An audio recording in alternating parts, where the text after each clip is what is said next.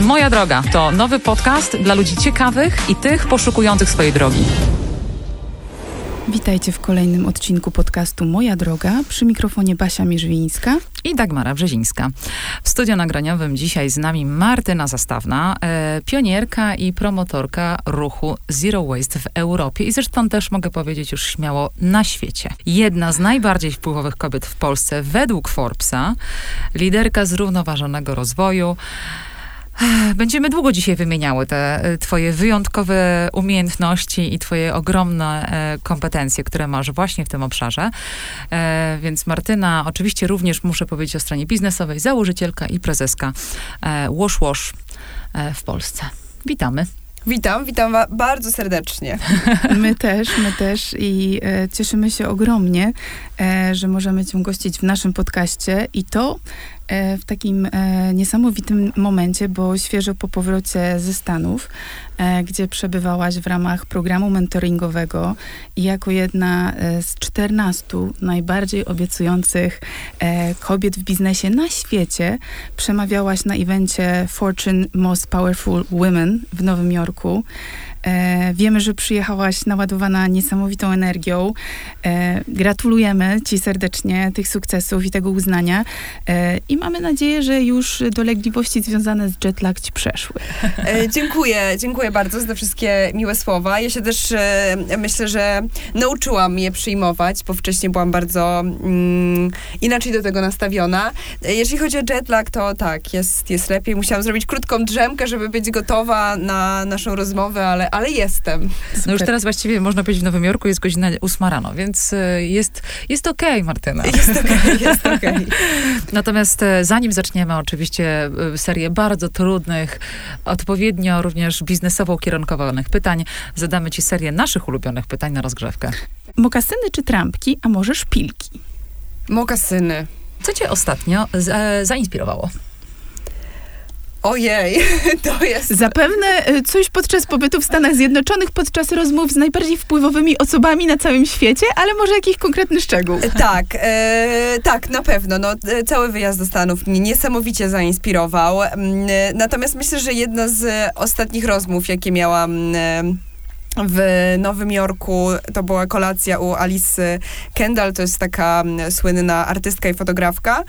E, I miałam tam rozmowę z maestro Konstantine, to jest dyrektor um, generalny um, Metropolitan Opera. I rozmawialiśmy o sztuce, a ja głównie rozmawiałam o biznesie, będąc w Stanach, więc ta rozmowa jakoś niezwykle mnie e, otworzyła, była jakaś pełna emocji i ta strefa biznesu, która jeszcze na pewno będę dużo o niej opowiadała, jest, e, jest zupełnie inna. natomiast ta rozmowa sprawiła, że poczułam się jakoś bardziej, poczułam bardziej emocje, poczułam te, to, jak bardzo emocje są dla mnie ważne, um, ale ja o tym na pewno będę dużo opowiadała. Dobra, bo, um, to teraz krótko spróbuj się opisać tak. w trzech słowach. o kurczę. E, myślę, że jestem inteligentna e, i to jest coś, co, co jest dla mnie bardzo ważne i pomocne i myślę, że jestem bardzo otwarta. Super. Dobrze, to jaką książkę przeczytałaś w ostatnim czasie, ponieważ my tutaj jesteśmy ogromnymi orędowniczkami e, książek, mhm. więc e, pytanie kiedyś o film spadło z agendy, bo stwierdziliśmy, że wolimy książki.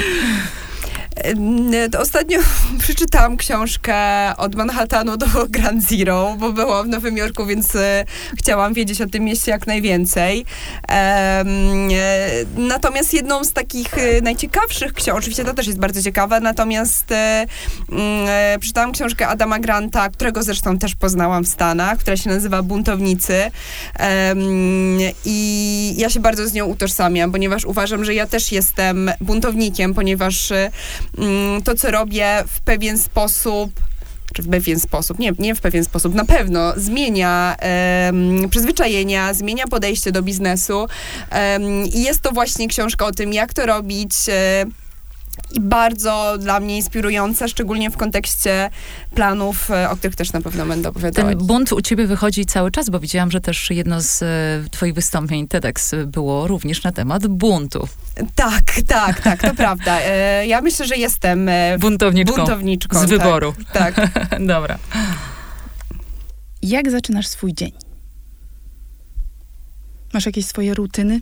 Tak, tak, tak. Ja w ogóle u- uwielbiam e, swoje rutyny. E, mój początek dnia wygląda w ten sposób, że e, na początku jest kilka minut dla moich psów. Mam dwa harty angielskie, więc e, zaczynam od tego, że się po prostu do nich przytulam. I później pierwsze co robię, e, to jest wyjście na spacer.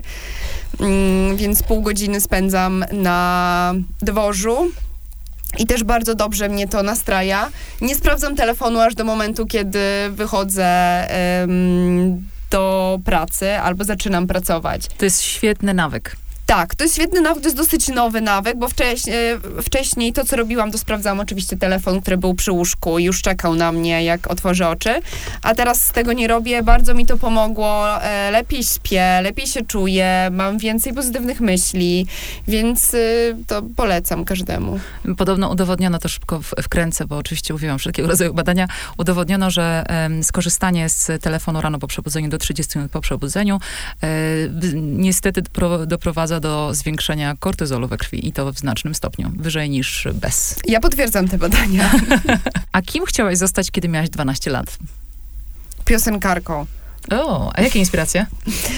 Um, wtedy myślę, że um, jeszcze pewnie Britney Spears, Jennifer Lopez w 2002 roku, wtedy miałam 12 lat, to było ostatni e, Britney Spears pewnie, e, ale... Ale Jennifer Lopez cały czas jest aktywna. No. Tak, tak, tak, e, to prawda. Jaka jest jedna rzecz, której żałujesz, że nie wiedziałaś mając e, lat 19? Wiemy na pewno już po naszym spotkaniu przednagraniowym, że są rzeczy, których żałujesz, że nie wiedziałaś mając lat 24. Ale czy są takie rzeczy, których żałujesz, że nie wiedziałaś mając lat 19?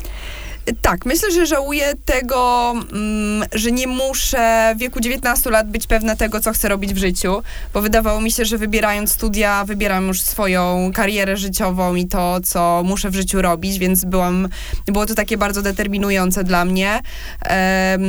I myślę, że też y, finalnie wybrałam kierunek, który w jakimś sensie jest ciekawy, ale w ogóle mnie nie interesował, a stwierdziłam, że muszę wybrać taki, który da mi świetną pracę, dobre pieniądze, i, no i może będzie miał jakiś pozytywny impact, więc e, a finalnie e, finalnie było zupełnie inaczej. Twoje idealne wakacje to? jestem po, e, po wiesie do Stanów, więc e, jeszcze jak otwieram oczy, to, to mam wrażenie, że nie jestem w Polsce. Ja zjeździłam całe, czy całe Stany. No byłam w ośmiu albo dziewięciu Stanach w ciągu ostatnich trzech tygodni e, i najbardziej podobało mi się w mm, Arizonie i w, mm, i w Kalifornii, więc jak sobie myślę, gdzie chciałabyś wrócić? Tak, no poznałam tam świetnych ludzi, byłam w świetnych miejscach, więc chciałabym się jeszcze raz z nimi spotkać, jeszcze raz przejść na plażę albo na pustynię, więc e, myślę o tym, ale za chwilę po naszej rozmowie jadę nad Biebrze, e, więc zupełnie inny klimat, myślę, że idealny po Nowym Jorku, który jednak jest bardzo intensywny, więc bardzo się na to cieszę i to też jest idealny weekend dla mnie, żeby być w ciszy, spokoju i, i patrzeć na ptaki. Ja zdradzę, ja zdradzę też e, naszym słuchaczom, że w momencie, kiedy rozmawiałyśmy z Martyną wcześniej, Martyna nam zdradziła, że wakacje to nie jest coś, czym y, mogłaby się pochwalić pod kątem ilości dni spędzonych na wakacjach od momentu założenia firmy. Jest o czym marzyć, Jest pewno. o czym marzyć, ale ten przepis na idealne wakacje, jak zastanawiałam się, jak zadajemy to pytanie, czy na pewno Martyna będzie miała nam co powiedzieć na ten temat, bo jak sama powiedziałaś, chyba twój najdłuższy wyjazd na wakacje to był... Do 3-4 dni skracałaś zawsze, mówiłaś, prawda? Tak, tak, tak. Najdłuższy wyjazd, no nie licząc tego, ale to też nie były wakacje. To był wyjazd do Japonii 4 lata temu na 10 dni. E, nie dało się skrócić, bo bilety były tak drogie, że e, nie było innej opcji. Natomiast ja uwielbiam podróżować i staram się wyjeżdżać w weekendy, e, staram się wyjeżdżać na bardzo krótkie urlopy. do ładowania, tak do, do ładowania, okay. no ale ciężko jest odpocząć w ciągu 3 czy 4 dni, szczególnie, że jeżeli zazwyczaj pół dnia to jest sama podróż. Martyna, czy jest jakaś rzecz jedna, której nikt o tobie nie wie, a mogłaby ją zdradzić teraz wszystkim? Um, to pierwsze, co mi przyszło do głowy, to e, ja uwielbiam śpiewać. E, więc mnie bardzo to relaksuje, jakoś strasznie dużo mi to mm, e, daje endorfin i bardzo mało osób o tym wie, ale też kolejna rzecz, o której muszę powiedzieć, bo to jest dla mnie jakieś przełomowe zdarzenie. E, tydzień temu na imprezie, o której już mówiłam, na której poznałam maestro. Byli też śpiewacy operowi, którzy zrobili dla nas specjalny występ. E, ja pod wpływem tych wszystkich emocji, których tam doświadczyłam, powiedziałam, że ja, że ja też e, lubię i umiem śpiewać i zachęcili mnie do tego, żebym zaśpiewała. E, więc ja tego totalnie nie robię, bo to jest mój sekret i tajemnica i może z pięć osób słyszało mnie kiedykolwiek w życiu. No i właśnie i zrobiłam to. Był to bardzo krótki występ, Czy są jakieś nagrania w sieci kompromitujące cię? Można cię szantażować? E, nie, nie ma, nie ma. E, Ja mam, to znaczy ja mam i kilka osób, e, kilka dziewczyn z mojego programu e, ma nagrania. E, nie wiem, czy było to kompromitujące, podobno całkiem dobrze śpiewa. Moja prababcia była śpiewaczką operową. Zaśpiewałam po polsku, więc może to też e, wpłynęło na to, że dla nich odbiór był trochę inny, no bo jest to język nieznany. Rewelacja. Super. Super. A jakie są trzy rzeczy, bez których nie możesz ostatnio przeżyć? Ja nie mogę generalnie bez książek przeżyć. Ja non-stop czytam książki, jest to dla mnie bardzo ważne. Nie mogę przeżyć e, bez moich piesków. W sensie przeżyłam ostatni miesiąc, ale to było coś, za czym e, najbardziej tęskniłam. E, No i bez muzyki chyba nie mogę przeżyć. To jest dla, zawsze mi towarzyszy, relaksuje i, i jak wracam do muzyki, to też wracam do konkretnych wspomnień, myśli, emocji. Świetnie. Martyna, szczerze mówiąc, chętnie przyszłybyśmy od razu do etapu e, tworzenia Wash Wash, bo e, to jest temat, który od ośmiu w sumie lat już e, wypełnia ogromną część twojego życia i też jest niezwykle aktualny ze względu na te właśnie światowe uznanie, które ostatnio mm, e, ci towarzyszy i e, twojej działalności. Mm, ale chciałybyśmy wrócić na chwilę jednak do początku, żeby dowiedzieć się, czy już we wczesnej młodości były jakieś symptomy y, tego, gdzie cię doprowadzi twoja droga. E, I tutaj takie pytanie, czy ty już od studiów miałaś y, pomysł na to, żeby zostać przedsiębiorczynią i z takim założeniem kierowałaś swoją edu- edukacją i, i wybierałaś pierwszą pracę? Y, Nie, wydaje mi się, że ja byłam, e, nie licząc początku, o którym już mówiłam, e, jak szłam na studia, to myślałam, że to jest bardzo już zdeterminowane i tak będzie wyglądała moja przyszłość. Natomiast później, jak się okazało, że jednak to nie jest na tyle interesujące, czyli studiowałam politologię jako pierwszy kierunek, mm, to postanowiłam. em, postanowiłam zmienić moją ścieżkę i stwierdziłam, że. em, że nie pójdę na polonistykę, bo uwielbiam czytać książki, chciałabym sama je pisać, więc może w takim razie dziennikarstwo, to jest y, w 2010 roku, to był bardzo obiecujący kierunek, miałam znajomych, którzy już w reklamie pracowali, więc stwierdziłam, że to będę e, robiła. I rzeczywiście moja pierwsza praca mm, to był staż w Agorze, więc było na pograniczu mediów, Dziennikarstwa. I, I dziennikarstwa, tak. E, ale mm, finalnie no, robię to, co robię i bardzo, się- bardzo się z tego cieszę, chociaż uważam, że czasem mi brakuje em, Ale ty dos, pisania. dosyć szybko podjęłaś próby zakładania. Miałaś różne Tak. pomysły, prawda? Swojej Mhm. działalności, wspólnie ze znajomymi. Tak, tak, tak. Pierwszą firmę, czy formalnie Mhm. em, założyłam dwa, jak miałam 23 albo 22 lata. Em, to miała być agencja brandingowa e, z moimi znajomymi. Em, stwierdziliśmy, że mam jakiś taki nowy pomysł na to, jak może wyglądać rynek reklamowy e, i chcieliśmy właśnie robić reklamy głównie dla artystów, dla muzyków, dla malarzy, ale finalnie nie bardzo Rynek Nie, był na, gotowy na ten nowatorski pomysł. tak, nie bardzo my też byliśmy gotowi na to, żeby, no mieliśmy super pomysły, no ale co ze sprzedażą, co z dotarciem, e, więc finalnie każdy miał swoją pracę i, i oprócz super pomysłu i, i super spotkań, e, po jakichś pewnie dwóch, trzech miesiącach e, zawiesiliśmy spółkę. No i, i później mm, ten temat posiadania własnej firmy wydawał mi się, on też był wówczas w, to był moment, kiedy startupy zaczynały powstawać w Polsce.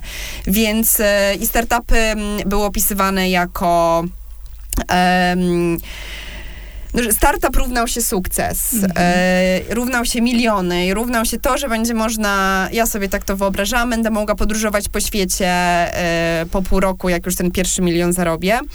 Czyli E, dawałaś sobie 6 miesięcy na zarabianie pierwszego miliona. Wow. Tak, oczywiście, oczywiście trochę przesadzam, e, ale chcę nakreślić trochę jakiś... była taka narracja. Tak, Mhm. ta, to, to była wówczas narracja, więc ja chciałam być częścią tej narracji i stwierdziłam, że posiadanie firmy to jest coś super.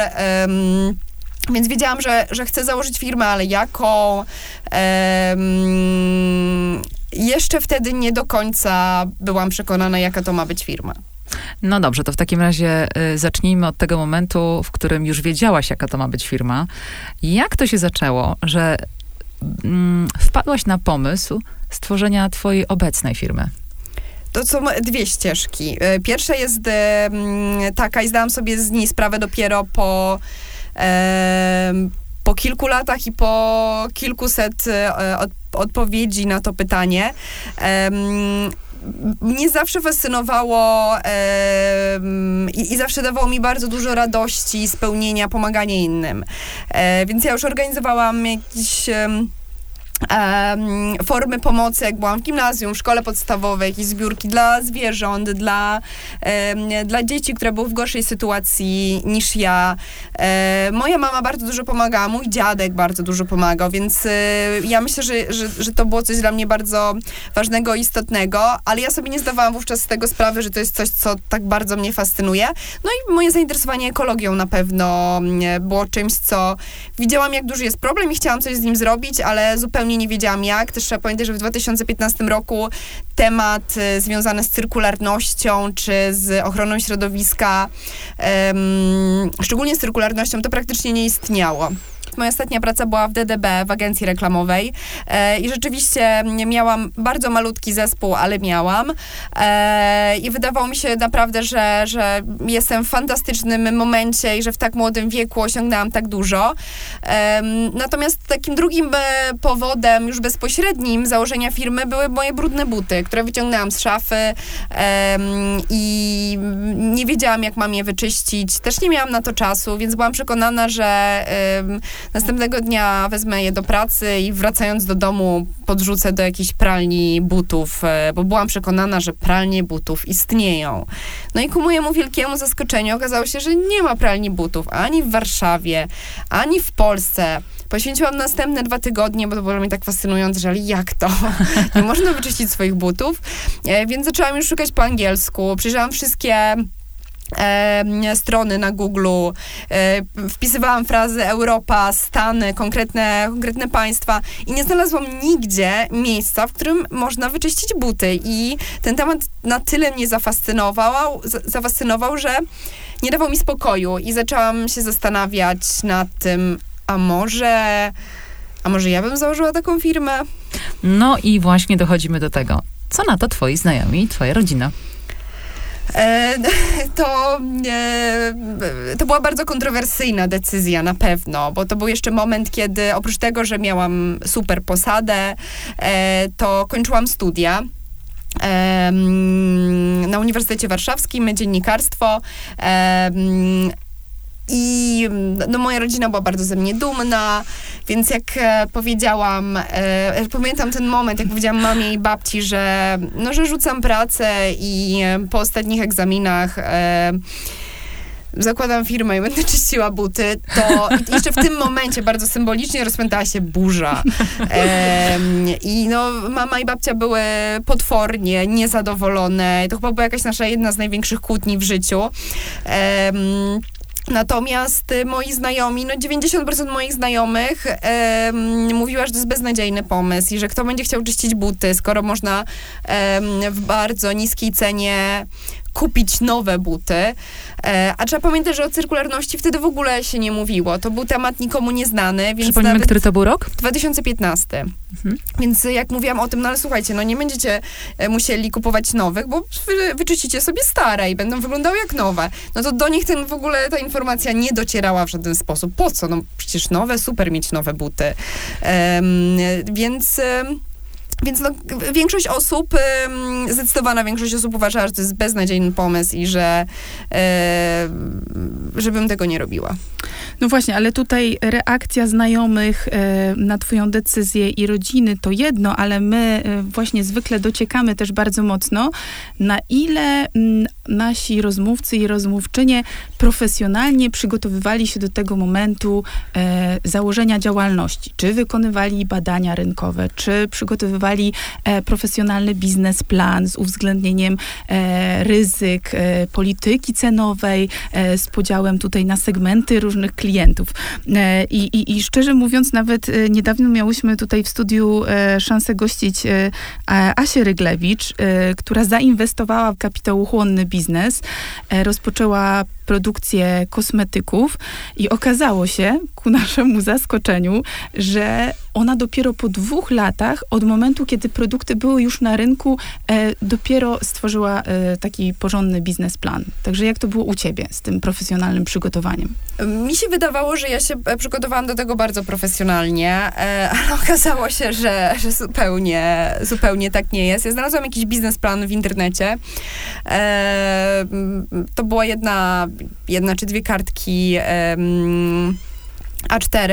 No i Biznesplan dla opornych.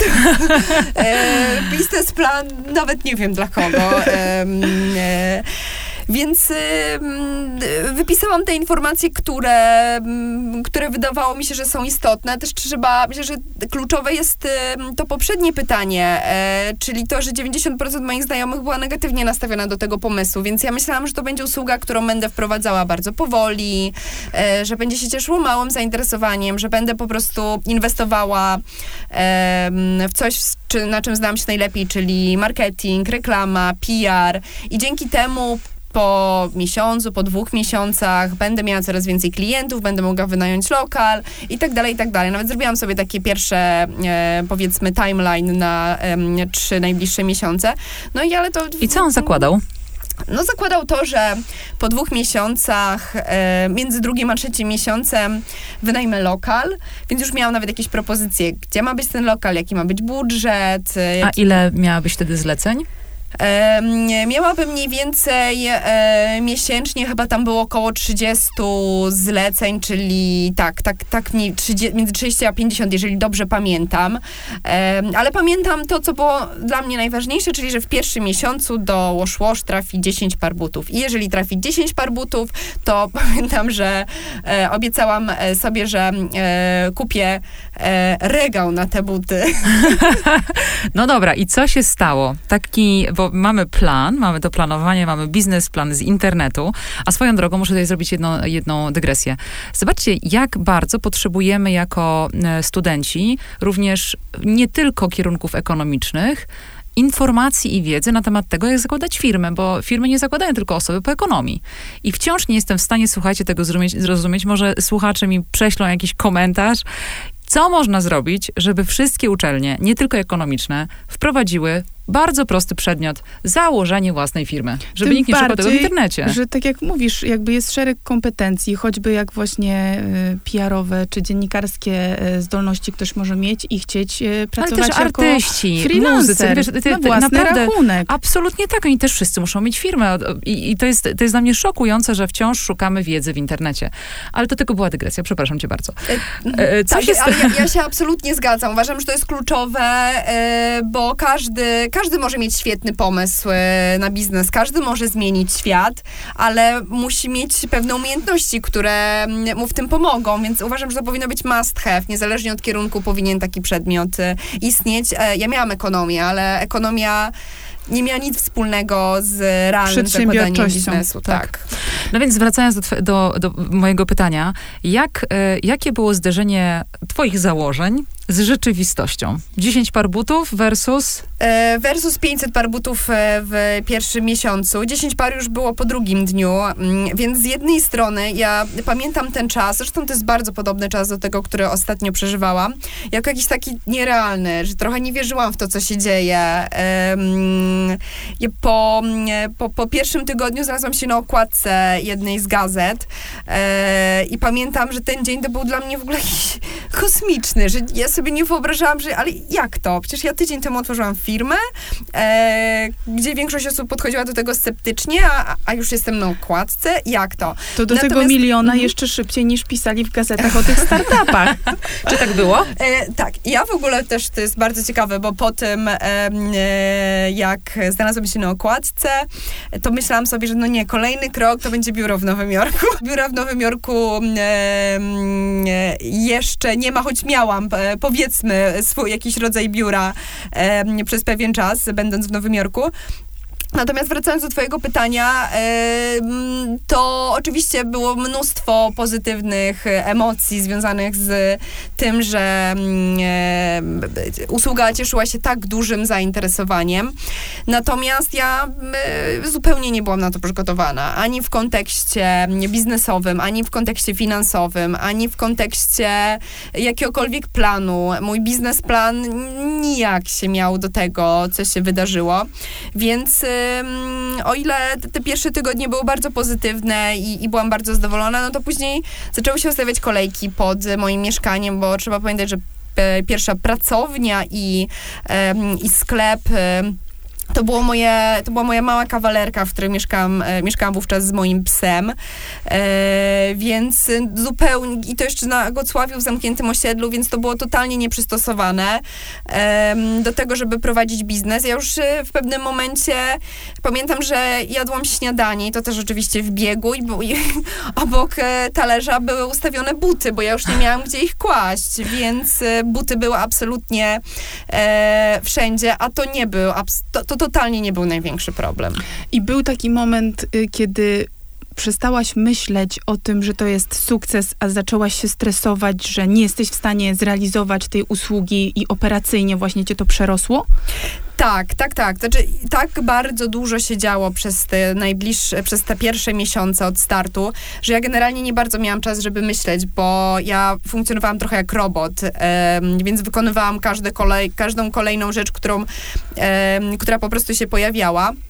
Natomiast pamiętam, że jak pojawił się pierwszy negatywny komentarz na Facebooku chyba, to zdałam sobie sprawę, że no kurczę, to jest coś bardzo mocno nie tak, a za tym pierwszy, pojawił się pierwszy koment- komentarz i zanim już po- pojawiało się tych komentarzy coraz więcej, e, zaczę, zaczęły się pojawiać problemy mm, w lokalu, no bo ten lokal w końcu wynajęłam na początku sierpnia, a firmę założyłam na początku lipca, e, gdzie przychodzili niezadowoleni klienci, em, A miałaś określony wtedy pewien regulamin ten usługi i oni mogli liczyć, że na przykład zrealizujesz zlecenie, zamówienie, znaczy zlecenie czyszczenia tych butów na przykład w ciągu dwóch tygodni? E, nie, nie, ja nie miałam regulaminu. Dowiedziałam się to po, potem po, po, po jakimś czasie, po dwóch miesiącach chyba, że powinna mieć regulamin, że to jest niezgodne z prawem, co ja robię. Mm, No ale zupełnie o tym nie wiedziałam. Trzeba też pamiętać, że to była totalnie innowacyjna usługa. Czyszczenie butów może wydawać się czyszczenie. To nie było tylko czyszczenie, ale też naprawa, renowacja. E, To się może wydawać bardzo proste, ale mm, wcale proste nie było, bo nie było, czymś też nowym benchmarków. nie było benchmarków. Ja wszystko musiałam wymyślić sama, a jak miałam wymyślić, e, a wymyślając sama rzeczy, nie mając e, żadnego backgroundu biznesowego, no to jest to ekstremalnie trudne. Em, Ale nie miałaś również żadnego doświadczenia w właśnie renowacji butów. Sama tworzyłaś to on the job, jak to się ładnie mówi tak, polsku. no to ko- kolejny, był kolejny problem, bo ja odświeżyłam 50 par sw- swoich, czy jakichś moich znajomych, e, czy rodziny butów, żeby, żeby zobaczyć, czy to w ogóle jest możliwe, żeby wycenić usługę, e, więc usługa, którą wyceniałam, była na podstawie mojej pracy, tylko i wyłącznie. Nie zawierała kosztów pracowników, e, kosztu wynajmu jednego lokalu, drugiego, trzeciego i wszystkiego, wszystkiego tego, na co składa się prowadzenie firmy, a po dwóch miesiącach w Wash pracowało już 30 osób, ponad 30 osób, więc to była e, naprawdę duża firma i ja na to nie byłam przygotowana w żaden sposób, więc... e, A skąd rekrutowałaś te osoby? Mm, e, nie pamiętam, chyba Na wrzucałam, Facebooku? Tak, chyba wrzucałam ogłoszenie na Facebooku i po prostu w związku z tym, że zainteresowanie usługą było tak duże, no to też dużo osób chciało pracować e, w Wash Wash, ale ja zupełnie nie wiedziałam, jaki ma być profil pracownika, bo zawód renowatora obuwia nie istniał, ja go musiałam stworzyć. A jak ja mam stworzyć zawód, jak ja nawet nie wiem, jak ja mam przeprowadzić szkolenie, jak ja sama do końca nie wiem, jak ja mam odnowić buty, bo okazało się, że 50 par butów to jest absolutnie żadna wiedza w kontekście em, tysięcy butów, które już zaczęły napływać do Washwashu. Po dwóch miesiącach mieliśmy 2000 par butów. E, a poza tym, jak oznaczyć te buty? Jak przypasować przy- buty do konkretnej osoby? Ja wszystko miałam zapisane, na, w butach były karteczki i były wpisywane do Excela.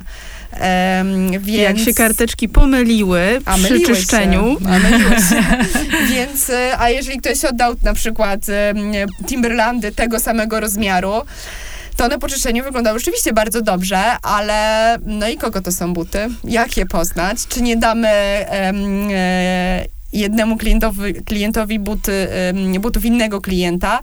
No to, to, to zajmowało mnóstwo czasu, rozszyfrowanie, czyje buty są czyje i pilnowanie, żeby karteczki się nie gubiły, więc... nie no było dobrze, procesów. E, Mhm. e, Ułańska fantazja wychodzi w pełnej krasie. To już chyba od momentu otwarcia firmy, gdzie spotykałaś się z, można powiedzieć, niezbyt mm, korzystnym, e, korzystną opinią na temat twojego pomysłu, a mimo wszystko poszłaś ten temat, a później jeszcze szłaś dalej, ale w pewnym momencie nastąpiło przesilenie. E, Tak, tak, tak. E, Przesilenie nastąpiło w momencie, kiedy mm, ja już byłam na skraju wyczerpania e, nerwowego, fizycznego. Ja w ogóle schudłam 10 kilo przez e, 3 miesiące, bo ja naprawdę, ja nawet nie myślałam o jedzeniu, bo miałam tyle zadań i koncentrowałam się na nich. Ja też jestem bardzo zadaniowa, więc może mi to pomogło. I pamiętam, że był taki, to był piątek wieczór, koniec października, em, godzina pewnie, nie wiem, 21 albo koło 21, bo do 21 mieliśmy otwarty wówczas, e, wówczas lokal na Powiślu. I dzwoni do mnie osoba pracująca w naszym lokalu, że żebym przyjeżdżała jak najszybciej, bo, mm, bo policja też przyjeżdża. E, I okazało się, że jedna z klientek, która nie otrzymała odpowiedzi na maila przez kilka dni, a też jeszcze dodam, bo to nie było tak, że ja że to był totalny freestyle, e, bo były zatrudnione wówczas cztery osoby tylko i wyłącznie do obsługi klienta, ale nie nadążaliśmy z odpowiedziami na maile, na wiadomości, na telefony, więc te opóźnienia były i one wynikały z tego, że po prostu było ich tak dużo, a jak obsługiwać klienta, jeżeli nie ma w ogóle żadnych zasad spisanych dotyczących obsługi, a jeszcze gubią się karteczki i tak dalej, i tak dalej, i tak dalej. Więc pojechałam na miejsce. E, no i dla mnie, jeżeli do mojej firmy przyjeżdża policja, no to znaczy, że coś jest naprawdę mocno nie tak. I oczywiście udało się wyjaśnić tą sytuację, no policjanci byli też, to była dla nich śmieszna sytuacja i myślę, że jakaś rozrywka. Rozumiem, że oskarżenie było takie, że przywłaszczyłaś sobie Tak, buty. że ukradłam, że ukradłam buty. Em, więc e, udało się te buty odnaleźć, wszystko, e, wszystko e, e, finalnie było okej, no ale było to dla mnie tak stresująca sytuacja, em, że wróciłam do domu. I stwierdziłam, że, no, że to nie może tak wyglądać, że ja jestem już na totalnym wyczerpaniu. E, kończą mi się też pieniądze. em, dochodzi do takich sytuacji, że ja chciałam założyć biznes z wartościami, który będzie szerzył ideę zero waste, będzie zachęcał do tego, żeby nie wyrzucać, a dbać o rzeczy, a finalnie y, muszę użerać się y, z policją. Więc to w ogóle nie o to chodzi. No i stwierdziłam, że em, że weekend spędzę na tym, żeby stworzyć plan zamknięcia firmy, bo ja już mam dość. I to był październik, tak? To był koniec października 2015, tak. Czyli założyłaś firmę w lipcu Tak, i w październiku był ten moment przesilenia. tak, tak, tak. To, więc to były cztery miesiące. i w międzyczasie firma urosła do 30 pracowników Tak. i em, kilku tysięcy zleceń. Tak, wtedy było chyba około pięciu tysięcy zleceń, em, mniej więcej. Zaczęłaś mówić o planie zamknięcia firmy, który stał się? Który stał się planem naprawczym, bo No zdałam sobie sprawę z tego, że jak zaczęłam pisać, e, właściwie po, po kilkunastu minutach od e, tego, jak zaczęłam pisać, jak zamknąć firmę, spisywać zasady zamknięcia firmy, to zdałam sobie sprawę z tego, że em, że ja równie dobrze mogę zamiast e, zamykać firmę, to spisać plan e, na to, żeby ją poprawić i żeby spojrzeć na nią nie z małych problemów, którymi musiałam się, to nie były małe problemy, ale z takich małych rzeczy, powiedzmy, którymi musiałam się zajmować na co dzień, typu wylana farba, e, niezadowolony klient, czy osoba, która nie, nie przyszła na czas do pracy i tak dalej, i tak dalej. Tylko na tym, dlaczego to nie funkcjonuje, dlaczego te klienci są niezadowoleni, jakie rzeczy nie działają, jak je usprawnić, dlaczego nie zarabiamy pieniędzy i tak dalej, i tak dalej. E, a przede wszystkim myślę, że to, co było dla mnie najistotniejsze, to to, że mm, przekonałam ponad 5 tysięcy osób do tego, żeby zamiast wyrzucać swoje buty, no to dali im drugie życie, że to jest niesamowite i e, dało mi to jakąś taką siłę, a ja naprawdę już byłam totalnie bezsilna, że stwierdziłam, dobra, zamykam się w weekend, wyłączam telefon e, i spisuję zasady naprawy firmy. I naprawdę przez dwa dni napisałam 80, 80 stron e, tego, jak powinno wyglądać szkolenie, e, jakie powinny być zasady e, rekrutacji, zasady obsługi klienta, zasady reklamacji. Szukałam oczywiście też informacji w internecie, a jak nie wiedziałam czegoś, to stwierdziłam, dobra, to muszę poszukać prawnika, to muszę poszukać takiej takiej osoby. I potem e, w kolejnych e, dniach, tygodniach e, e, starałam się poszukać osoby, która mogłaby mi pomóc. No i zaczęłam e, ten plan wdrażać. Oczywiście początki były bardzo trudne, bo musiałam niestety zwolnić część osób. E, to było chyba dla mnie najbardziej stresujące. E, bo ja e, myślałam, że żeby być dobrym szefem, to trzeba być dobrą e, kumpelą. E, e, I pamiętam, że jak e, pracownicy nie zabrali jeszcze przed tym planem na wspólne wyjście na piwo, to ja byłam, myślałam, Boże, jestem beznadziejna. I Bo sama byłaś młoda, więc no, większość pracowników była ode mnie mm, starsza, więc trudno też... było zbudować ten autorytet e, przełożonego i właściciela firmy. No, bardzo trudno. Z tym e, ja zarządzałam dwuosobowym, e, czy tam trzyosobowym zespołem i to było no, zupełnie na innych zasadach, jeżeli miałam e, nad sobą jeszcze pięć czy tam dziesięć innych osób, a tutaj byłam sama i byłam tylko ja, więc jak mam zarządzić osobami, które są ode mnie starsze, to dużo osób to też było, duża część osób to też byli artyści, no bo potem zdałam sobie sprawę, że aby odnawiać buty, je malować, no to trzeba robić to precyzyjnie. A kto robi to precyzyjnie? Osoby, które potrafią malować, więc ciężko się też pracuje z artystami, e, a ja w ogóle nie miałam pojęcia, jak mam do nich podchodzić. No to, to było niesamowicie. e, Zarządzanie ludźmi jest bardzo trudne, e, a jeżeli się nic na ten temat nie wie, to I teraz tutaj chciałabym e, na moment się zatrzymać i podsumować niejako ten twój właśnie pierwszy etap. Jakie rady, bazując już na tym, właśnie na tych twoich doświadczeniach, e, jak widać nie zawsze zgodnych z tym, co myślałaś, że będzie, jakie rady dałabyś osobom, które zaczynają swój biznes? Ja myślę, że najważniejsze, to czego ja nie zrobiłam, to jest rozmowa z jak największą ilością osób doświadczonych. Czyli em, jeżeli ktoś chce założyć firmę, która, e, nie wiem, czyści kożuchy, e, no to niech porozmawia z. osobą, która może, już nie, niezależnie od tego, czy czyści kożuchy, czy, czy wprowadza jakieś rozwiązania AI, e, to pewne są rzeczy, które są spójne dla każdego biznesu, więc porozmawianie z osobami, które już mają doświadczenie, które mogą podpowiedzieć, mogą dać rady, które są uniwersalne, e, no to jest bardzo pomocne. Ja teraz, zresztą wróciłam z programu mentoringowego, ale no po pewnym czasie Em, zaczęłam korzystać z rad e, osób, które, które mają doświadczenie i mi to bardzo pomogło, bo ja... E, A skąd, gdzie, gdzie znajdowałaś takie osoby? No na początku po prostu e, pisałam na Facebooku, na samym początku, e, czy znacie kogoś, kto zajmuje jakiegoś prawnika, czy znacie dobrego księgowego, czy znacie kogoś tam. A im większą miałam wiedzę, im większe miałam też obycie w biznesie, no to już wiedziałam, gdzie szukać, jak szukać, kogo pytać. I ten Więc- network pewnie ci pomagał, bo Tak. kolejne osoby mogły już kogoś podpowiedzieć. I zresztą też mówiłaś nam e, też przed wywiadem, ja tutaj od razu nakieruję, e, o programie, e, który jest programem Google dla startupów. Tak, tak, tak. To był program, do którego zgłosiłam się w 2017 roku albo 2016, już nie pamiętam. E, I to był jeden z pierwszych konkursów, które wygrałam. E, I to było dla mnie na tyle niesamowite, no bo przecież Google to jest e, firma technologiczna, a mój startup wówczas e, technologiczny nie był prawie w ogóle. Więc fakt tego, że.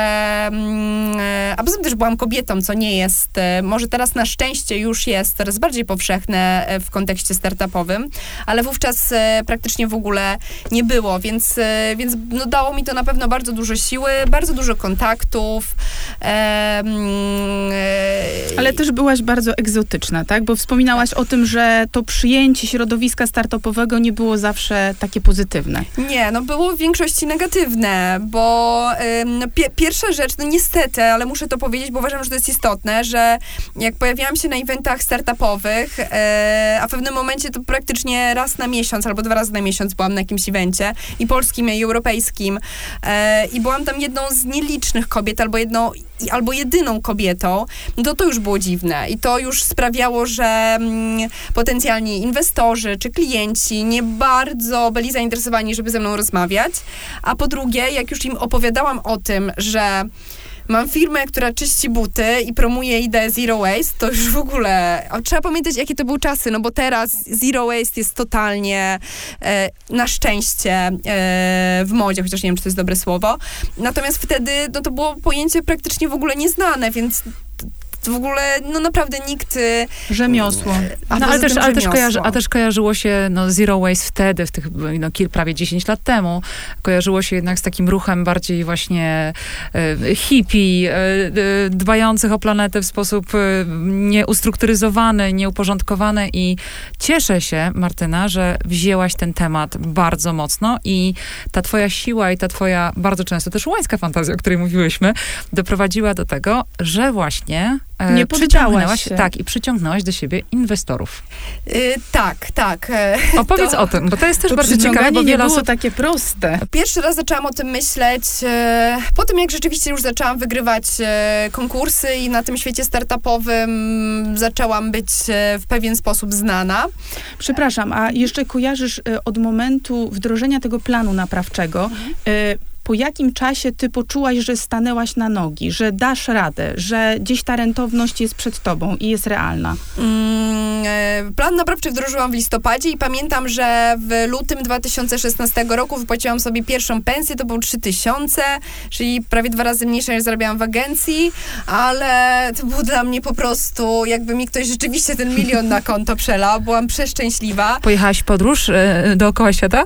Nie, ale pojechałam, e, pojechałam wtedy pierwszy raz do Nowego Jorku. I właśnie, to jest bardzo, jest w ogóle bardzo ciekawe, dopiero teraz o tym pomyślałam. Moim marzeniem zawsze było pojechać do Nowego Jorku, więc e, stwierdziłam, że za te pieniądze, to było też szaleństwo, bo ja wtedy naprawdę nie miałam pieniędzy, e, kupię sobie bilety do Nowego Jorku. No i kupiłam bilety do Nowego Jorku i poleciałam na chyba 5 dni e, na majówkę 2016, więc... Nagrodziłaś się. Nagrodziłam się, tak. Stwierdziłam, że E, że potrzebuję nagrody i, i to była moja nagroda. I wtedy czułaś, że już ten plan naprawczy był wdrażany w, w organizacji i możesz sobie na to pozwolić. Tak, tak, e, tak. Natomiast potem okazało się, że istnieje coś takiego jak sezonowość w tym biznesie. No i w marcu, kiedy wyjmujemy, chowamy buty zimowe, wyjmujemy buty wiosenne, to potrzebujemy je wyczyścić. No i wtedy na, znowu zostaliśmy Zaskoczeni? Zaskoczeni ilością zamówień, więc też było ciężko i też um, pojawiały się problemy, ale już um, wiedziałam, jak mam na nie reagować. E, przede wszystkim wiedziałam, że mam nie usuwać negatywnych komentarzy, co robiłam na początku, bo już nie wiedziałam, jak mam, co mam robić.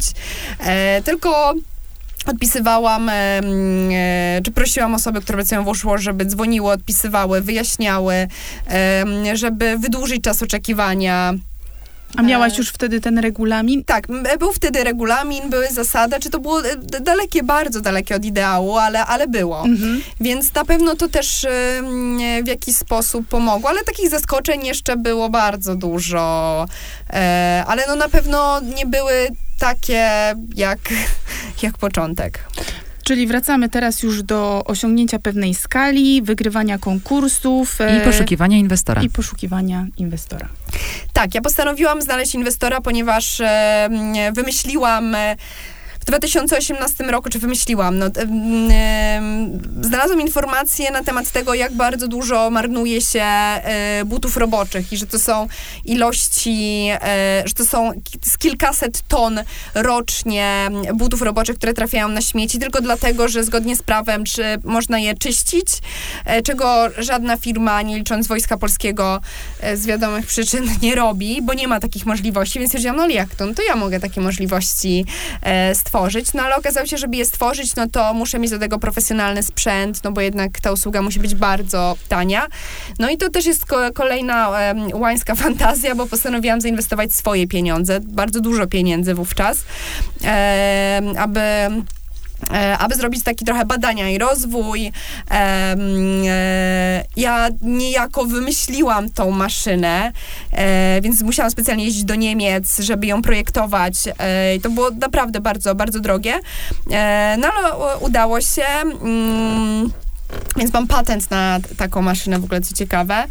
E, I, e, no i kupiłam ją i no i zaczęły się problemy, ponieważ okazało się, że jednak to nie jest takie proste. I myślałam, że jak, nie wiem, napiszę do jednej firmy, do drugiej firmy, która ma ogromne ilości butów roboczych, no i one na pewno zaraz będą paletami te buty wysyłać. Okazało się, że nie, że to jest trudne, że zupełnie nowa usługa, że z biznesem pracuje się zupełnie inaczej niż z klientami indywidualnymi. Przepraszam, a możesz zdradzić, jaka to była kwota inwestycji w tą maszynę?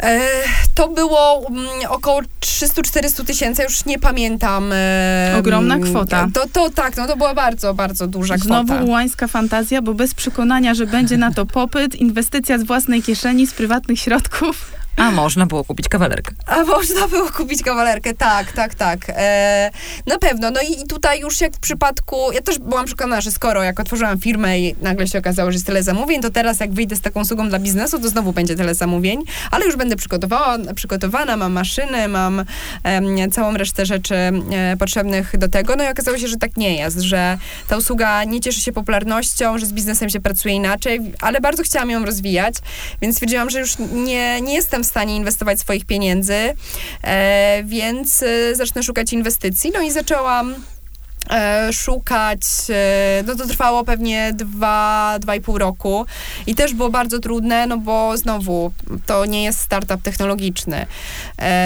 trudno skalowalny. Nie trudno skalowalny, no bo jednak te maszyny bardzo mocno podbiły. Okay, B2B tak. Mhm. Tak, to, że, że jednak... E, mm, bo czyszczenie butów klientów indywidualnych nadal opiera się na pracy ręcznej. I teraz to w ogóle mamy e, bardzo dobre procesy E, I w ogóle ta firma w ostatnim czasie wygląda zupełnie inaczej.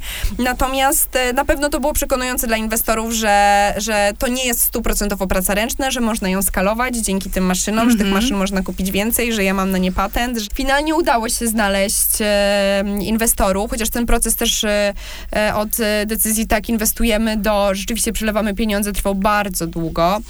E, Ile i... czasu, jeśli możemy zapytać? 7 miesięcy. Mhm. Więc przez 7 miesięcy musiałam inwestować e, swoje Nie można było pieniądze. otworzyć szampana po tym, jak uścisnęłaś dłoń i się dogadałaś, tylko jeszcze kolejne 7 miesięcy trzeba było zapewnić finansowanie. Ale to dosyć długo. To tak dosyć długo. To bardzo długo, to bardzo długo. Um, ale no niestety um, trafiłam na... Wydawało mi się, że w ogóle wygrałam los na loterii i to też jest y, bardzo istotne moje podejście, bo ja byłam wówczas na, na takiej zasadzie, że ojejku, ale super, że ktoś chce zainwestować w moją firmę, są tacy wspaniali ludzie. I ja byłam naprawdę wręcz y, byłam bardzo nieśmiała, bardzo, no brakowało mi, o ile uważam, że jestem osobą bardzo odważną, no to w kontaktach, ja nigdy w życiu nie rozmawiałam z funduszem inwestycyjnym. Nie wiedziałam jak. Um, i, i, no i niestety zostałam trochę wykorzystana, czy trochę, no bardzo nawet uważam, że finalnie. E, I mimo, że udało mi się znaleźć e, te pieniądze, to były one znacznie mniejsze niż te, o których początkowo rozmawialiśmy, za znacznie większy procent niż początkowo rozmawialiśmy, więc trochę stawiałam postawiona pod ścianą e, w ostatnim ostatnich tygodniach przed inwestycją, że albo to, albo nara. Więc... Y, A korzystałaś wtedy ze wsparcia już y, doradców, takich profesjonalnych, żeby ktoś ci pomógł y, w tematach prawnych, właśnie typowo inwestycyjnych, żeby zabezpieczył twoje interesy jako foundera? Tak, natomiast y, polecani prawnicy okazali się w ogóle, nie wiem, jakoś źle trafiłam i też y, niestety, ale nie pomogli mi. No I osoby, które mi doradzały, mówiły mi, że to nie jest dobra opcja, że może, po, żebym poczekała i może poszukała kogoś innego, ale ja wiedziałam, że ja i tak już strasznie dużo czekałam. I wydawało mi się, mając tą wiedzę odnośnie rynku startupowego, że ja rzeczywiście wygrałam los na loterii. No i trudno, jak mi nie chcą dać tyle pieniędzy, no to dodadzą mi mniej, ale ja bez tych pieniędzy, no to albo będę musiała um, ograniczyć działanie firmy, um, no ale, ale też nie wyobrażałam sobie, że mam inwestować kolejne pieniądze, no bo to już nie było, nie wiem, 30 tysięcy, tylko to były znacznie większe pieniądze, a ja też mam ograniczone możliwości, więc, e, więc trochę nie miałam wówczas wyboru i myślę, że ci ludzie o tym wiedzieli i to wykorzystali.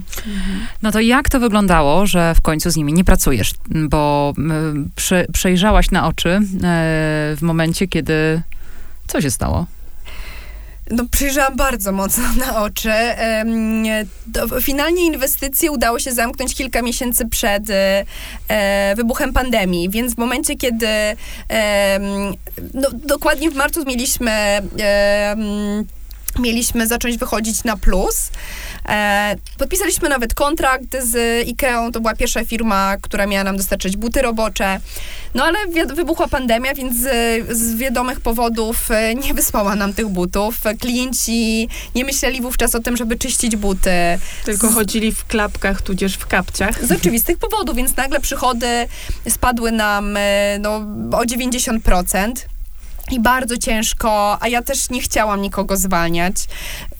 Niestety, ale musiałam jedną osobę zwolnić w tamtym czasie, ale i tak było to dla mnie bardzo, um, bardzo trudne i ciężko było nagle po pandemii, dla, która była szokiem dla wszystkich i dla biznesu, um, zacząć um, zarabiać e, takie pieniądze, jakie były zawarte w PNDL-u.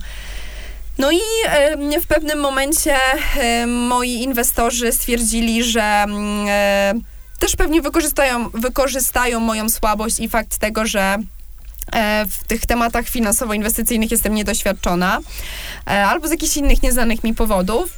E, no i wypowiedzieli mi umowę inwestycyjną z jakiegoś powodu kompletnie... A nie dostałaś e... żadnego wsparcia wówczas? To też jest rola funduszu. No właśnie, to trzeba powiedzieć też bardzo wprost. Dla osób, które m, mogą nie znać tego typu szczegółów, inwestor to nie jest tylko i wyłącznie e, skarbonka, e, którą można rozbić i dostać z niej fundusze. rolą też inwestora jest oczywiście wspieranie wspierania e, założyciela i wspieranie zespołu funkcjonującego w tym, żeby biznes rozwijał się dalej, e, dając wszelkiego rodzaju wsparcie pod kątem rozwoju kompetencji, wsparcie nawet ekspertów, którzy będą w stanie również e, wspierać ten, ten biznes. Więc zawsze tak decydując się na tego... w teorii. Tak, więc zawsze decydując się na, na wsparcie inwestora, warto o tym wspomnieć i to jest to, na co natrafiłaś, co się niestety nie wydarzyło. Tak, bardzo dobrze, że o tym mówisz, bo to jest, to jest bardzo bardzo istotne dla osoby, która, mm, e, która zaczyna e, która zaczyna współpracę z funduszami inwestycyjnymi.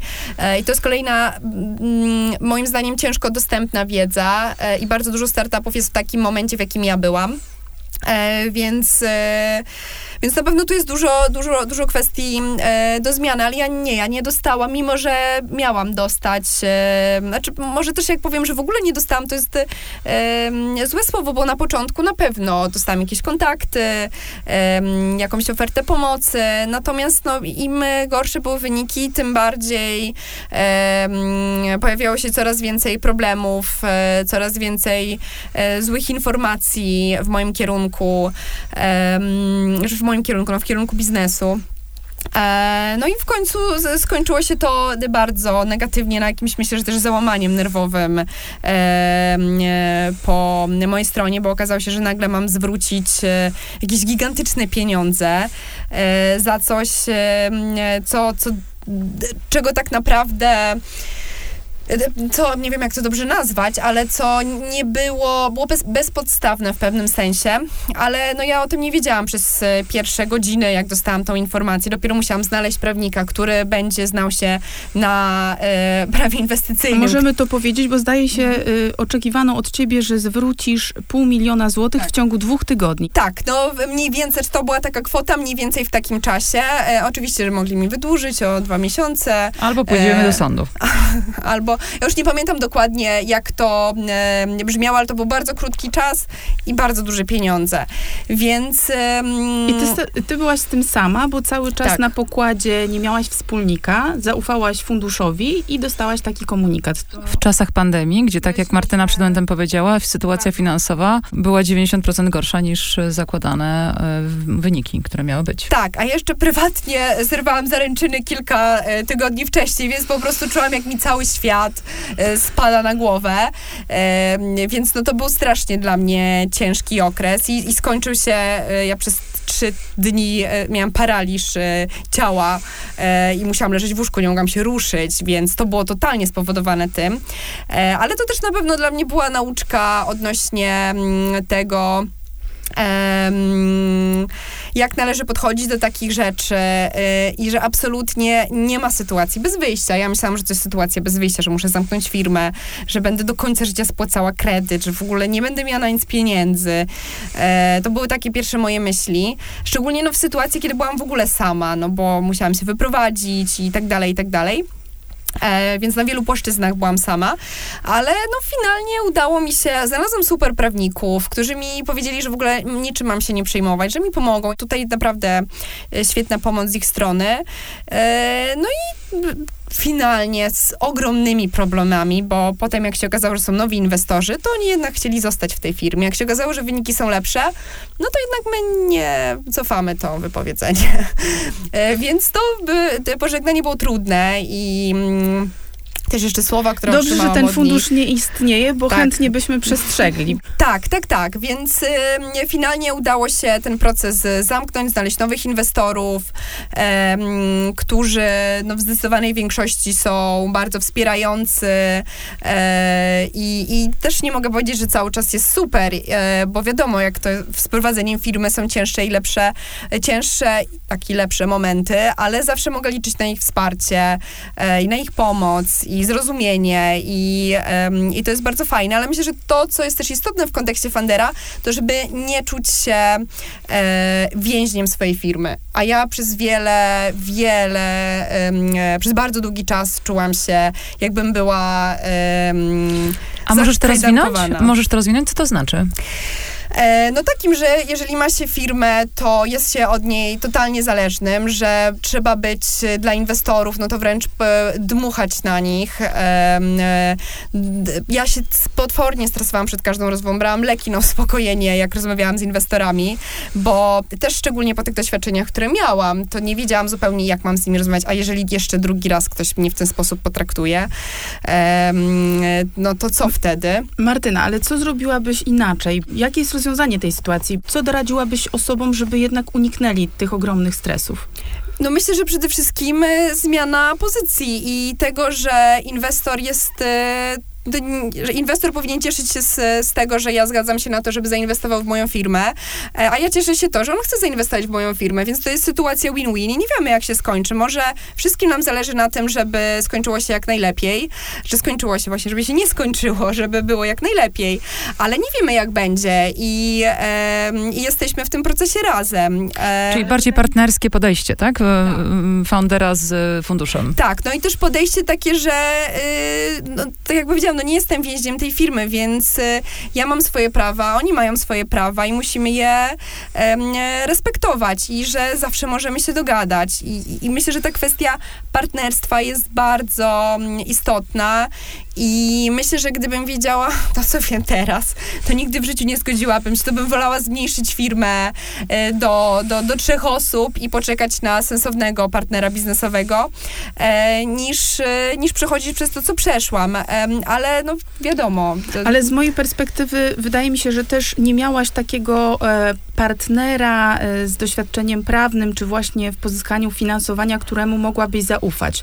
Bo takie ad hoc reagowanie, że dostaję dostaję takie roszczenie ze strony funduszu i w popłochu szukam prawnika i, i dogaduję tutaj te kwestie finansowe, to jest mimo wszystko postawienie siebie pod ścianą. Tak, tak, a poza tym e, trzeba pamiętać, że ja byłam sama, e, miałam wówczas 29 lat, e, a po drugiej stronie było e, kilka, kilka bardzo doświadczonych, znacznie starszych em, osób. e, Mężczyzn. w- tak, no jedna kobieta, proszę, dwie kobiety, a reszta to były, byli mężczyźni. Ja, ja mam też taką zasadę ograniczonego zaufania, szczególnie z osobami, z którymi współpracuję, ze względu też na to, czego doświadczyłam, ale w przypadku, no bo tak jak wspominałyście, ja sama jestem mentorką od em, kilku lat, a ja tak często wracam do tych Stanów, ale naprawdę to było doświadczenie, które myślę, że mogę śmiało powiedzieć, zmieniło moje życie, ale również postrzeganie w kontekście mentoringu, że wracam z tak niesamowitymi wnioskami, które e, chciałabym wdrażać. Ja zresztą zrobiłam post na ten temat e, jakieś e, półtora tygodnia temu, po takiej sesji mentoringowej z niesamowitymi kobietami. I, e, I zgłosiło się do mnie kilka kobiet, które miały podobne wnioski e, i, i z pytaniem, czy, e, czy znajdę czas na, na to, aby, aby taki mentoring z nimi przeprowadzić. Więc no super, mega się cieszę, że także ja chcę tą wiedzę, którą mam, wykorzystać i przekazać ją jak największej ilości będę w stanie, bo uważam, że jest to niesamowicie ważne i też chciałabym, żeby doświadczenia, których ja mogłam doświadczyć dzięki temu, co udało mi się zbudować, przekazać tym osobom, które nie mają takiej możliwości, bo uważam, że to jest bardzo ważne.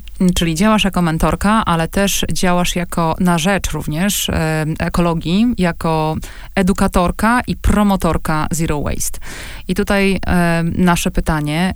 Co mogłabyś poradzić firmom e, w kontekście małym firmom, ponieważ mu, oczywiście korporacje mają już bardzo często wpisaną strategię ESG, właśnie odpowiadającą wszystkim e, uwarunkowaniom, e, żeby zmniejszyć swój efekt i swoje działanie na, na środowisko naturalne. Natomiast co byś poradziła małym firmom? Ponieważ bardzo często wszyscy myślą, że jest to kwestia wprowadzenia jakichś bardzo kosztownych rozwiązań, że to trzeba będzie zmienić całkowicie strategię firmy i tak dalej, i tak dalej. Mm, Czy jest jakaś rada twoja, którą mogłabyś im przekazać? Tak, ja w ogóle uważam, że małe, małe firmy znacznie łatwiej mogą wprowadzać takie zmiany niż duże firmy, bo czasami to jest kilka albo nawet i kilkanaście lat w przypadku ogromnych korporacji, E, ale też super i muszę to powiedzieć, że E, jestem zaskoczona tym, co mówię, ale że w Polsce kwestie zrównoważonego rozwoju są na takim poziomie. W Stanach, rozmawiałam naprawdę z największymi firmami, coś takiego jak i strategia zrównoważonego rozwoju nie istnieje. Więc dla nich to jest kompletna nowość. Więc, e, ale wracając do twojego pytania, em, co może wprowadzić taka firma? E, bardzo często w ogóle wdrażanie e, cyrkularności czy zasad zrównoważonego rozwoju do firmy, e, a jest ich bardzo dużo, więc też nie mam czasu, żeby o wszystkich powiedzieć, ale one mogą doprowadzić finalnie do oszczędności, do poprawy wizerunku, do tego, że klienci chętniej będą korzystali z usług takiej firmy, bo ponad 80% Polaków chce korzystać z usług czy produktów firm, które są odpowiedzialne społecznie, które są zrównoważone, które są cyrkularne. Więc ja zachęcam do tego, żeby, jeżeli ktoś nie wie, co jest cyrkularność, to żeby sobie wpisał w Google gospodarka cyrkularna e, i można zobaczyć tam taki model e, cyrkularny i sprawdzić każdy z elementów e, łańcuch dostaw, jeżeli coś takiego funkcjonuje w firmie, tego jak produkowane są produkty e, czy usługi, jak są wysyłane, jak są komunikowane. Na każdym z tych elementów można wprowadzić e, e, takie zmiany. To jest bardzo w ogóle obszerny temat, więc, e, ale postaram się jeszcze na koniec coś powiedzieć takiego prostego, na przykład w kontekście opakowań. Można zastąpić e, opakowania, zresztą już będziemy musieli za chwilę wszyscy to zrobić, opakowania plastikowe, na przykład opakowaniami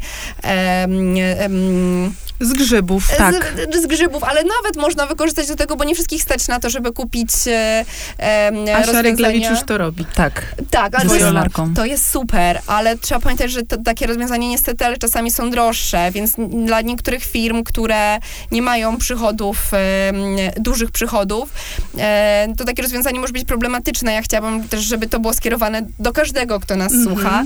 Em, można użyć rzeczy, które już są na rynku, nie wiem, starych gazet, to też można można zrobić ładnie. E, można wykorzystać, nie wiem, słoiki, które mamy do tego, żeby pakować w nich na przykład nasze produkty. No dużo jest takich rzeczy, to jest też związane z pewną kreatywnością, jak wykorzystać Mhm. produkty, które już mamy w naszych domach, w naszych firmach, do tego, żeby wdrożyć je do naszego biznesu i zaoszczędzić, nie wiem, tysiąc złotych na przykład na tym, że nie kupujemy plastikowych opakowań, tylko pakujemy na przykład e, w mm, stare mm, gazety. Natomiast no, to są bardzo proste rozwiązania. Tych rozwiązań jest naprawdę bardzo dużo i one zależą od tego, jaki to jest rodzaj biznesu, jaki to jest typ usługi czy produktu. Sugerujemy webinar na ten No temat. już webinarów, to mam dużo propozycji webinarów, muszę na to wszystko znaleźć czas, ale, ale na pewno no, taki webinar byłby mm, e, bardzo Bardziej też ważny i bardzo skalowalny, bo jednak Tak. takie pojedyncze zapytania zajmą więcej twojego czasu. A na poziomie osób prywatnych, e, czy masz jakieś takie haki, wskazówki? Ja e, pakuję w gazety, od razu mówię. E, Ja jestem jedną z tych osób, które od wielu lat już pakują prezenty dla rodziny i dla przyjaciół w gazety. Super. I faktycznie zazwyczaj jest to też dobrane odpowiednio, czyli dla osoby, która jest, e, ostatnio miałam urodziny jednej z moich bardzo dobrych przyjaciółek i zapakowałam jej faktycznie w New York, e, w New York Times, e, ale w sexy design, ponieważ prezent był właśnie sexy design. W związku z tym każdy ma dedykowaną sekcję. Mój znajomy, który akurat też jest e, przyjacielem rodziny, też dostał opakowanie e, też w kontekście designu, ponieważ jest projektantem wnętrz i też dostał właśnie w taki, w takim, w taki deseń. Więc sugeruję, ponieważ jest to też dobra zabawa, wyszukiwania dobrych sekcji, które pasują odpowiednio do każdej osoby. Więc ja to już robię od lat, ale to wracam, e, bo uważam, że to jest bardzo fajna, bardzo fajna rzecz. Natomiast e, Martyna, jakie ty masz wskazówki dla osób prywatnych? Ze swoją wiedzą, doświadczeniem i tutaj już e, perspektywą globalną na ten temat. No, perspektywa globalna bardzo się zmieniła. Mm, myślę, że jednak jesteśmy w Polsce czy w Europie na bardzo uprzywilejowanej pozycji. Nasza świadomość jest bardzo wysoka. Dlatego chcę ją wykorzystać, ale może o tym jeszcze dzisiaj powiem. Ale wracając do takich e, prostych rzeczy, to myślę, że to, co, co, co jest bardzo dużym problemem, to chociażby ilość ubrań i butów, które kupujemy. Ja zachęcam do tego, żeby się zastanowić przed zakupem każdej nowej rzeczy, czy my na pewno e, jej potrzebujemy, czy nie mamy w szafie mm, rzeczy, którą możemy naprawić, o którą możemy zadbać e, i korzystać z niej dłużej, Albo zmodyfikować. albo zmodyfikować. E, Albo Zmienić udać guziki. się najpierw e, do sklepu z rzeczami z drugiego obiegu. A poza tym, co robić z rzeczami, w którymi, z którymi już nie chodzimy? E, można je wystawić na e, portalach Vinted. ogłoszeniowych, na Vinted, na Allegro, na Nie podajemy nazw, portale Dobrze. ogłoszeniowe. portalach ogłoszeniowych, których jest cała masa. Ja to od pewnego czasu, e, już od kilku lat już robię. Nawet za symboliczne pieniądze, prawda? Nawet za symboliczną złotówkę. Jest Mhm. to zawsze e, lepsze wprowadzić coś ponownie do e, obiegu. Em, Albo dochód można przeznaczyć na e, organizację charytatywną. Dokładnie. E, Kolejna rzecz to jest wspieranie organizacji charytatywnych, bo jeżeli i, em, zresztą my w Łuszłosz prowadzimy zbiórki e, obuwia już od kilku lat i przekazaliśmy prawie 200 tysięcy par butów osobom, które naprawdę potrzebują tych butów. Więc jeżeli macie jakieś Wspaniała akcja. niepotrzebne rzeczy w... I teraz jest otwarta taka akcja Będzie za czyszczenia. chwilę i to w kilkunastu krajach w Europie, ale jeszcze nie mogę zdradzić szczegółów, więc, e, więc rozszerzamy nasze działania, e, jak tylko możemy. Em, więc na razie ni niestety nie można, za chwilę będzie można, ale są na pewno inne organizacje, które charytatywne, można to sprawdzić w internecie. Fundacje zazwyczaj podają informacje, czego e, szukają, więc w taki sposób też można e, w odpowiedzialny sposób podejść e, i w bardziej cyrkularny do naszego życia. Martyna, przepraszam, ale twoja perspektywa jest też e, szersza niż tylko moda i ubrania, e, bo też występujesz na różnych forach i, i, i wymieniasz te doświadczenia i myślę, że to też jest jedno z działań, żeby replikować programy, które właśnie zadziałały nawet w innym regionie i przenosić je e, czy tu, czy właśnie do Stanów z Europy. Ale ja na przykład pomyślałam o tym, że dla wielu osób wybór rzeczy, która była wytworzona zgodnie z zasadami zrównoważonego rozwoju, niestety wiąże się z tym, że musieliby wydać więcej środków i nie mog- może nie zawsze mają przestrzeń finansową w swoim domowym budżecie. Dlatego ja zawsze szukam takich rozwiązań, które mm, e, m, będą mówić językiem korzyści ekonomicznych, e, bo możemy próbować do, dość dotrzeć do świadomości osób, które stać na te rozwiązania, ale myślę, że skalę osiągniemy, kiedy będziemy e, y, po prostu... y, Pokażemy i potrzebę, i rozwiązanie dla tych, Dokładnie. którzy... Mhm, i ja tak e, zupełnie jako laik e, w temacie pomyślałam, o na przykład aplikacji, bo wierzę też w grywalizację, że ona działa. To znaczy, ja osobiście się wolę mierzyć sama ze sobą, ale e, wiem, że na przykład y, osoby, które mm, uprawiają różne sporty, często dzielą się i porównują swoje wyniki. I pomyślałam, mm, e, czy mm, nie wiem, żadna firma nie byłaby zainteresowana stworzeniem aplikacji, która e, mierzyłaby zużycie, czy też oszczędności nasze, czy w energii, czy w wodzie, i przeliczała je na złotówki i pozwalała właśnie na porównywanie tych wyników. I e, wydaje mi się, że to nawet e, nie byłoby koniecznie wbrew ich interesom biznesowym, bo skłaniałaby do oszczędności, e, bo wiem, że są takie problemy z przepustowością, tak? Czy to sieci energetycznej, że są też godziny szczytu i myślę, że stymulacja naszych zachowań, żeby nie przeciążać tej sieci, e, byłaby pożądana i mogłaby właśnie trafić do sz- szerszego grona e, odbiorców. Tak, no generalnie tutaj zaczęłam mówić o, mm, e, o modzie, natomiast takich zasad zero waste e, jest, e, są tysiące, e, więc nie mamy na to czasu teraz, ale ja zachęcam do tego, żeby wpisać sobie w wyszukiwarkę e, jak być zero waste, zasady zero waste i tam wyświetli się mnóstwo e, pomysłów e, na to i niektóre będą łatwiejsze, niektóre, niektóre będą trudniejsze. Dużo też zależy od naszych przyzwyczajeń, nas, naszego stylu życia. Natomiast, to, o czym mówisz, na pewno e, jest ciekawym rozwiązaniem. Coraz więcej na szczęście powstaje takich rozwiązań i firmy w Polsce i w Europie, podkreślam, coraz chętniej wdrażają takie e, rozwiązania, ale z takich prostych rzeczy na przykład można em, przyciemnić obraz w telefonie czy w komputerze, to już zmniejsza ilość generowanej energii, czy zamiast e, oglądać coś online, to ściągnąć e, to na swój e, komputer. To też zmniejsza ilość generowanej energii, czy zagrzać wodę raz, a nie co chwila. Więc no ta, takich małych lifehacków naprawdę jest, jest tysiące, więc na to był potrzebny kolejny podcast, a wiem, że nie mamy na to czasu, więc zachęcam po prostu, żeby e, sprawdzić to w internecie.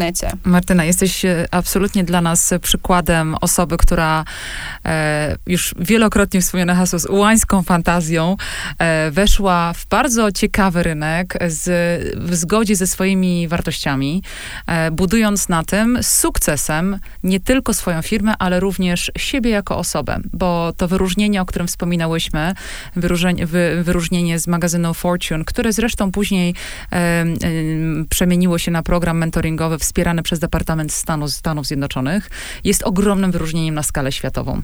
I e, chciałbyśmy ci ogromnie pogratulować tutaj e, za, e, za szerzenie wiedzy na ten temat, za twoją pasję i za to, że dzięki temu, zwłaszcza, że zobacz, ile upadków było po drodze, Absolutnie. tak? Które, które mm, przez to, że zawsze znajdowałaś tę niezwykłą siłę, e, budowały ciebie. I tutaj moje ostatnie pytanie, a wiem, że też rozmawiałyśmy o tym wcześniej, jak to się dzieje, że masz w sobie tyle energii i siły, żeby iść dalej?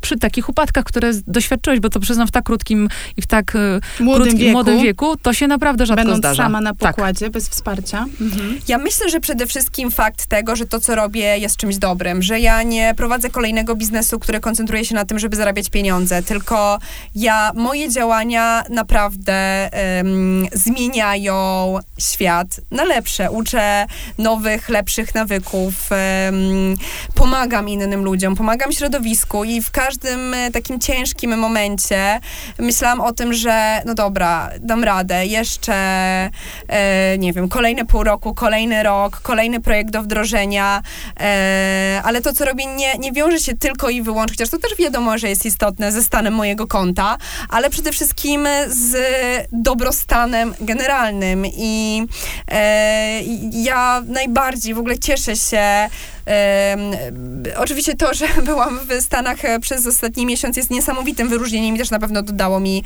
bardzo dużo siły, ale fakt tego, że mogłam pomóc e, nawet niektórym osobom uratować życie, no bo e, dla osób bezdomnych buty są czymś niesamowicie ważnym, no to jest coś, co w ogóle no w pewnym sensie, nie w Dodaje pewnym sensie, skrzydeł. to absolutnie I dodaje dodaje sensu, tak? Dodaje i dodaje sensu. sensu. I na koniec jeszcze powiem, że mm, po tych em, ostatnich tygodniach, kiedy mam nie tylko perspektywę polską czy europejską, tylko mam perspektywę em, globalną, wiem, jak e, dużo rzeczy trzeba zmienić i mam w sobie, myślę, że porównywalną siłę z tą, em, która była nawet nie siłę, ale pewną pasję i, i taką chęć do działania, ale też przede wszystkim możliwości, które, które mam obecnie, żeby nie zmieniać e, tylko Polski, e, ale żeby zmienić e, cały świat, więc Wow, to jest niezmiernie ciekawe, ale ja muszę też zadać to pytanie, właśnie czy to, czy twoja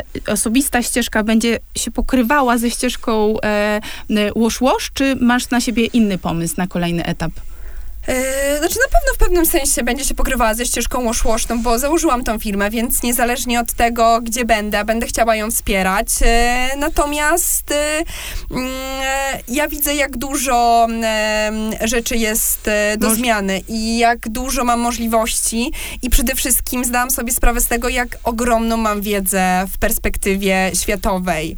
I ja nie miałam takiego poczucia w Polsce. Czy wiedziałam, że jestem ekspertką w tej dziedzinie, ale nie wiedziałam, że jestem aż taką ekspertką i że ta wiedza, którą ja posiadam, mogę ją wykorzystać w Stanach, mogę ją wykorzystać w Afryce, w Azji, em, praktycznie na całym świecie i wiem, jak niesamowicie jest ona istotna. Nie po to, żeby mm, zwiększyć wyniki finansowe przedsiębiorstw, tylko po to, żeby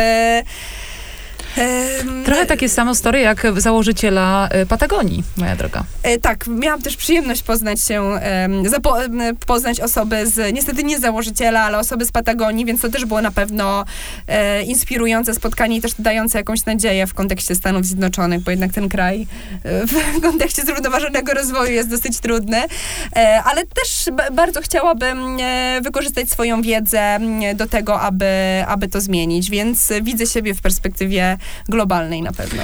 Martyna, to z jednej strony ogromne uznanie i jeszcze raz gratulacje, ale też e, wielkie dzięki za to, że tak otwarcie się podzieliłaś swoją historią i nie pomijałaś tych trudnych momentów, bo e, niektórzy mogą te momenty nazywać porażkami, e, ale dla osób, które są wytrwałe i nie akceptują tego, tej sytuacji, to są po prostu tymczasowe potknięcia i ty to udowodniłaś. Trzymamy absolutnie kciuki za twoje kolejne projekty e, i biznesowe, i edukacyjne, i, e, i co jeszcze, rozwojowe y, pod wszelkimi kątami. E, słuchaczom dziękujemy oczywiście za wysłuchanie tego, tego odcinka. Znowu, zobacz, Basia, e, tutaj mała też dygresja. Ja dzisiaj strasznie dużo tych parabol robię. E, wyobraź sobie, Martyny, że jak zaczynałyśmy podcasty, stwierdziliśmy, że to będzie bardzo krótka forma, 20-minutowa. ja się zastanawiam, jak dzisiaj skończymy, bo nie widzę, jaki jest czas. Natomiast e, słuchaczom oczywiście też dziękujemy za wysłuchanie naszego podcastu i podzielenie się również e, swoimi przemyśleniami w komentarzach do, zarówno na kanale YouTube Wok Polska, jak i również e, na naszym Instagramie. Jeśli moja macie droga. pytania do Martyny, to też myślę, że możemy Tak, skorzystać z uprzejmości i również na naszym koncie podcastu Moja Droga na Instagramie zapraszamy do zadawania pytań i będziemy tutaj ścigać Martynę, żeby odpowiadała. Do usłyszenia za dwa tygodnie.